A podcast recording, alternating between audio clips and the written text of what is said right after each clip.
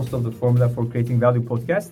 Today, my guest is from Spain and uh, Innovation and Technology Scout, uh, Mrs. Ishil Top Martinez. Welcome. Ishil. Hello, nice to meet you. It's a pleasure for me to be here today.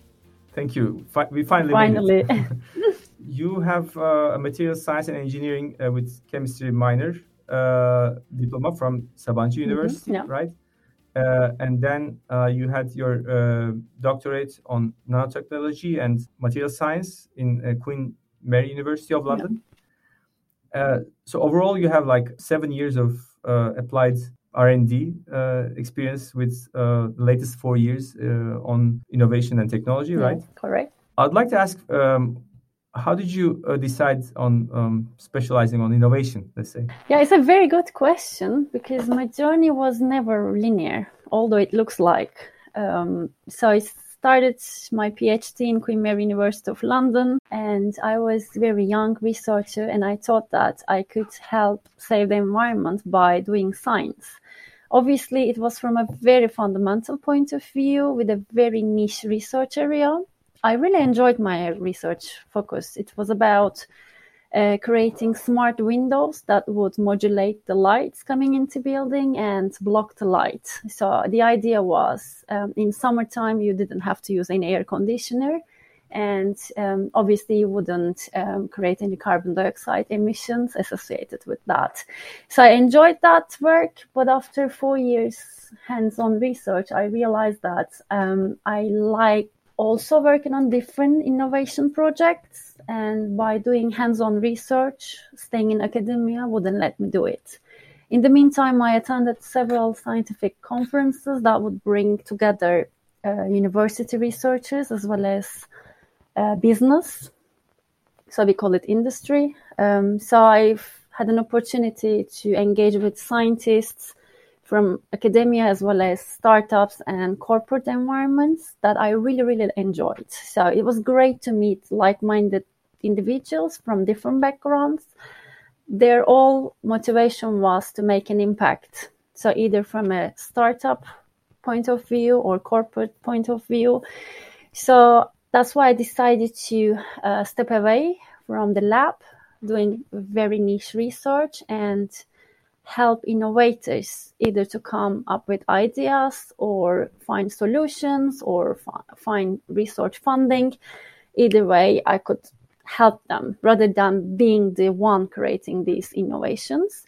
So yeah, I moved away from the lab and I wanted to explore the world beyond my lab and in the meantime, I started to be more and more active in LinkedIn. So I started to post new ideas or new innovations about generally about material science. And I started to grow a community of uh, innovation people or innovation experts in the meantime.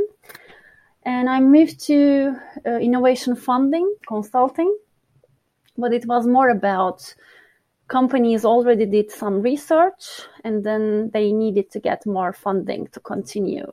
So it was my first step outside the lab, which gave me the opportunity to work in a business environment where everybody spoke 100% English.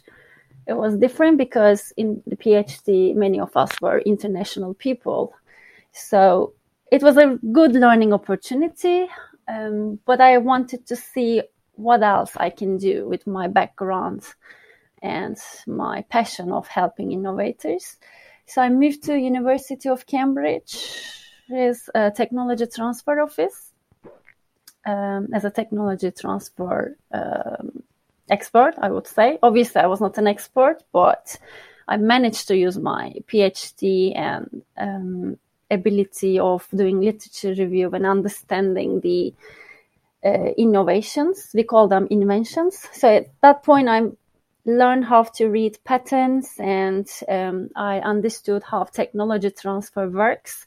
So the inventions arising from uh, universities, obviously University of Cambridge is a leading university. So I get to know lots of very brilliant academics, postdocs, PhD students, professors, so getting really good ideas and how can we protect their intellectual um, IP, intellectual property, in the form of patents, copyrights, etc. And how once we file it, obviously li- liaising with patent attorneys and my managers and these academics, um, how can we use these inventions in real world setting? It can be through finding companies to license it to them or um, f- starting spin-outs companies and it's a different story afterwards you have to have uh, a team and then you need to get funding so i learned how the seed funds work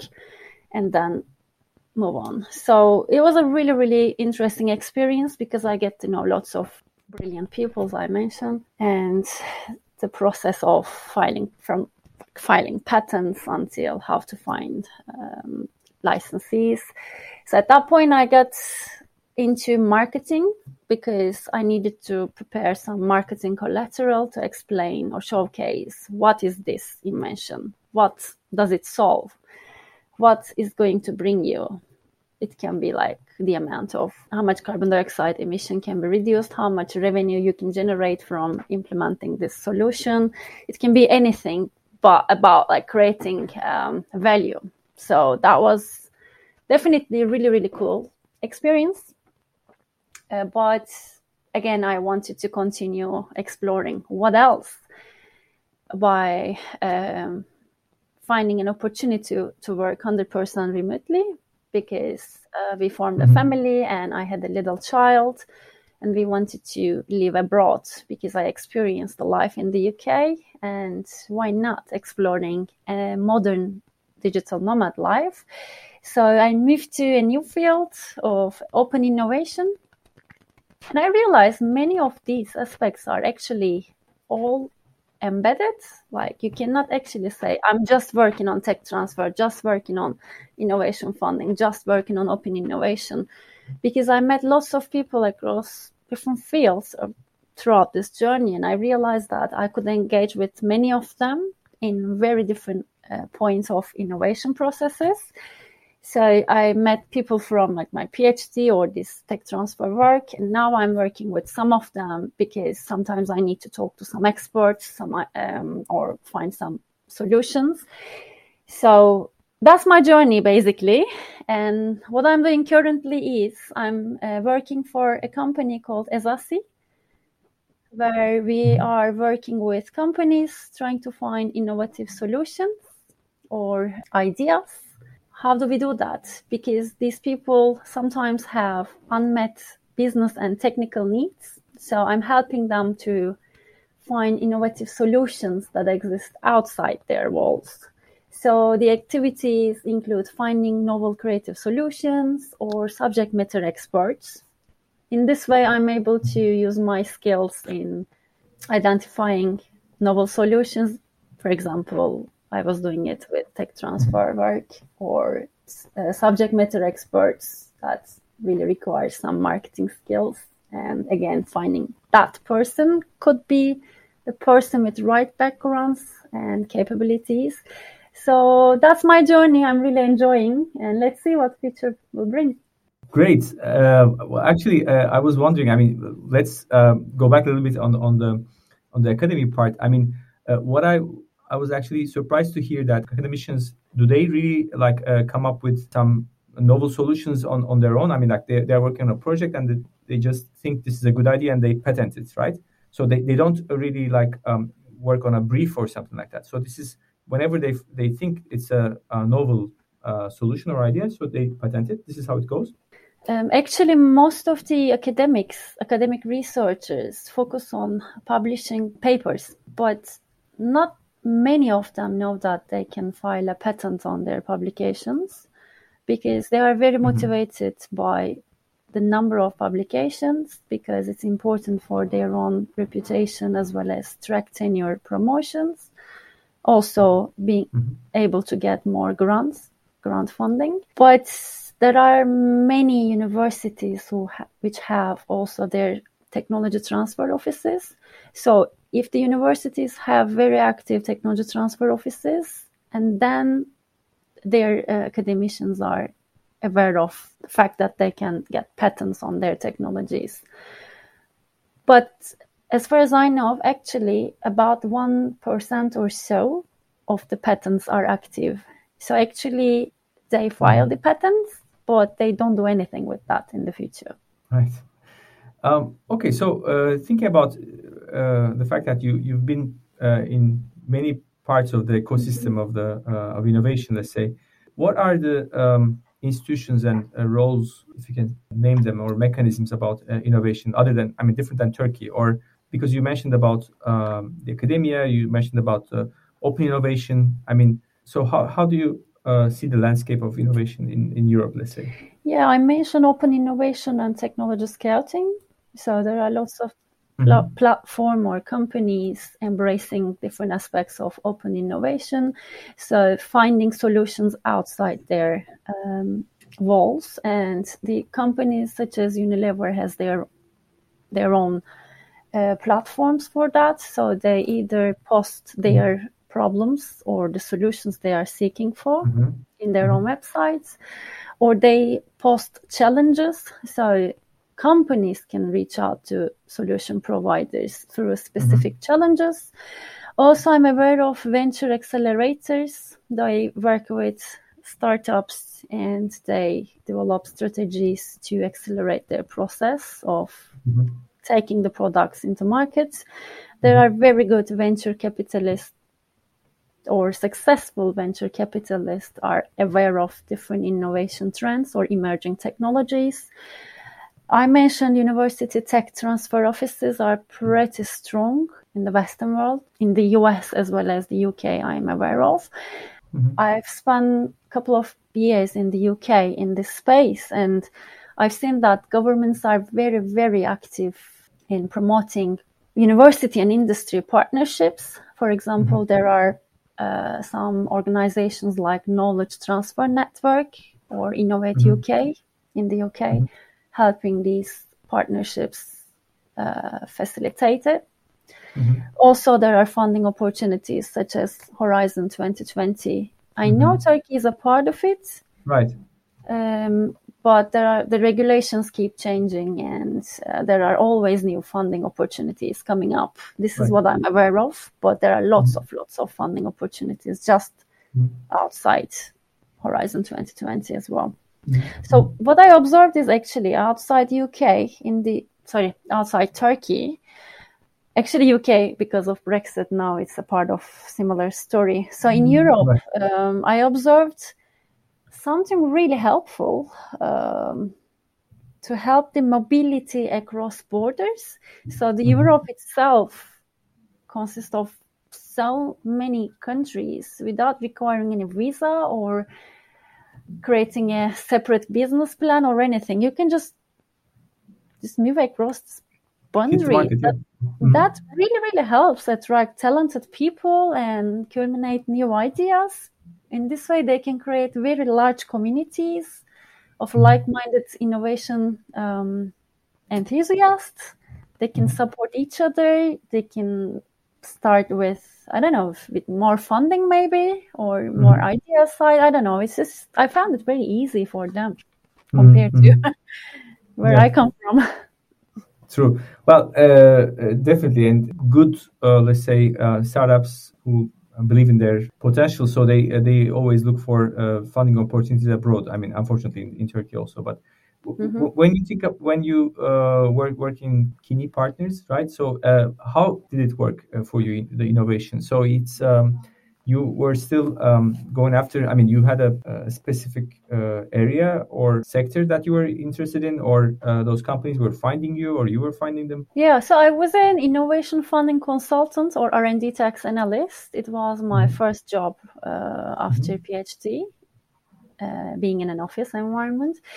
So mm-hmm. it was really interesting because I was able to engage with companies who are at the end of their innovation journey. So mm-hmm. it was a part of a UK uh, government initiative, and mm-hmm. also it also exists in EU as well as US as well, if I'm not mistaken.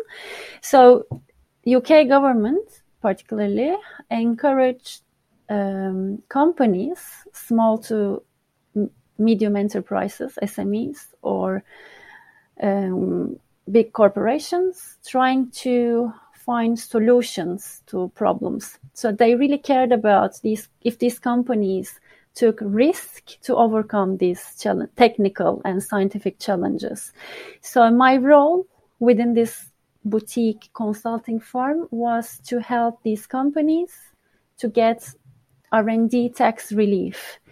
So these companies were at the end of their innovation journey and they wanted us to be able to write technical reports to the UK government mm-hmm. as well as mm-hmm. financial um, reports to the mm-hmm. HMRC, which is the tax authorities mm-hmm. of the UK. So my role was to understand if they really did projects in uh, research, projects in uh, science and technology, if they faced any technical challenges, was it obvious to see any solution to that? If it's non-obvious, then they were not eligible to get any funding from government. Mm-hmm. And if uh, they employed uh, qualified people so I was there trying to understand if they did R&D was in science and technology and if took if they took any risk to overcome these challenges. And your your latest work, technology scouting. I mean that that's also quite a new term for me. I mean, and probably uh, for some of the listeners. Uh, can you tell us also how it works? Definitely. As a quick recap, so I'm working for Ezassi, which is an innovation management software and services provider focused on helping our clients to find solutions to their unmet technical needs with innovative solutions outside their own walls. So these activities include finding novel creative solutions or solution providers, for example, a specific vendor who sells some specific product or raw material, as well as finding subject matter experts in specific fields. And we work with companies in uh, science and technology from different different fields. It can be uh, food and beverages, uh, materials, some hearing device, for example, creators, and different sectors. Mm-hmm. And I'm working with great clients uh, on interesting projects it's a shame that I cannot explain too much because of uh, privacy. but sure. sometimes, sometimes, from time to time, I see some uh, news that the companies we uh, recommend to these clients they like each other and they uh, started to have some partnerships. So I see that my work is recognized. So I really like it. So what I really like about my current role in technology scouting is I'm here using my technical background, identifying solutions and innovations and understanding the problem or pain points of the clients and being there doing the uh, business matchmaking. So it's literally matchmaking. Mm-hmm. So I like identifying um, what is there in the market. Uh, it can be mm-hmm. in a startup developing a cell based meat or uh, autonomous vehicle or smart window, anything, mm-hmm. and mm-hmm. uh, or identifying an expert in medical devices or mm-hmm. uh, machine learning algorithms. Mm-hmm. These are just recent examples, and mm-hmm. I'm there identifying them, talking to them, and making sure I um, introduce them to our clients, and then it's for them to continue. That's interesting. So basically what Unilever does, uh, like uh, they have their own portal and uh, they either um, specify there and publish uh, their needs, and uh, people are finding them. So you're you're acting like a, a this intermediary position for uh, for your clients. Actually, in Ezassi, we offer both software as well as services solutions. Mm-hmm. So we have our own innovation platform. Okay. So we either offer them um, license opportunity of our own mm-hmm. platform. So in the mm-hmm. platform, it's similar to Google, but it's driven by AI and ML. Um, mm-hmm. So we use specific keywords to run our innovation searches. We mm-hmm. can identify innovative solutions or patents, um, publications, how many times keywords were mentioned in specific data sources. We can identify solution providers or subject matter experts. Mm-hmm. And what is cool about it is you can see the evolution of topic over time. For example, when you see in the past 10 years, one specific topic didn't exist until 2018. And all of a sudden, this emerging technology is becoming a popular trend. So it gives you a holistic idea or view of what is this emerging technology about. And you can see the investment opportunities and different news. We have startups information as well as um, some clinical trials were also recently added. So I'm using our own platform to help our clients. So I'm not in the licensing part. Mm-hmm. I'm more in the services side by using our own platform to uh, get ideas and solutions and compile all this information with very, um, very thorough reports for our clients, report or uh, presentations to our clients. Mm-hmm. So you're sort of like um, using your technological background and knowledge. You you're mm-hmm. filtering those uh, things yeah. out from uh, whatever AI gives you, but you still uh, mm-hmm. need to somebody needs to let's say definitely definitely luckily mm-hmm. yeah um, interesting so do you then see a, a, more of a trend of more and more innovations are coming from outside the organization uh, is there a clear trend like that or you know most companies maybe uh, who are involved in uh, uh manufacturing they they have their own uh, r&d uh, laboratories and so on but but there's also a huge amount of information out there. I mean, like uh, where you can have access. I mean, and without any geographies. This is something uh, more and more companies are accessing to these uh, networks, and they are uh, finding uh, their own solutions there. Do you see uh, a clear trend like that, or is it specific to some sectors or some industries? We are finding solutions across borders it can be in many, many different countries. It can be New Zealand, Australia, uh, France, Iceland, US. Mm-hmm. So we are definitely not focused on specific geographies. Do you have some Turkish clients, let's say? Uh, we have Turkish solution providers. Recently, oh, they sent us some samples to send it to our clients. That's nice. Okay. Yeah, it was really, really exciting actually. Over summer, I spent a couple of months talking to a vendor of a specific uh-huh. raw material. Mm-hmm, mm-hmm. It was really nice. nice to hear that. Uh-huh. Um, all right. So then, based on your experience on uh, on innovation, uh, what would you suggest to to companies uh, who are eager to innovate? What would you recommend them? I mean, where where to start, or what are the tips? Some useful tips. If they're looking for finding innovative ideas or ways, I would mm-hmm. tell them to be aware of emerging trends. So follow mm-hmm. them. Mm-hmm. Um, if they need ideas, they can always stay get in touch with me. I'm sure. more than happy to help them. uh, yeah, definitely um, be aware of trends. There are new innovation trends such as artificial intelligence, machine learning, Internet of Things, uh, wearable devices, etc., and they are coming up. So definitely, it will be important to be part of it. Otherwise, uh, you are behind technology, mm-hmm. and you need to be aware of new technologies. Definitely, we are all you know facing all these uh, things, uh, but I think the, the the secret is in the in discovering in which way these uh, technologies will be useful for you for your own uh, business. Uh, so that that requires some uh, creativity and that requires some matching the dots.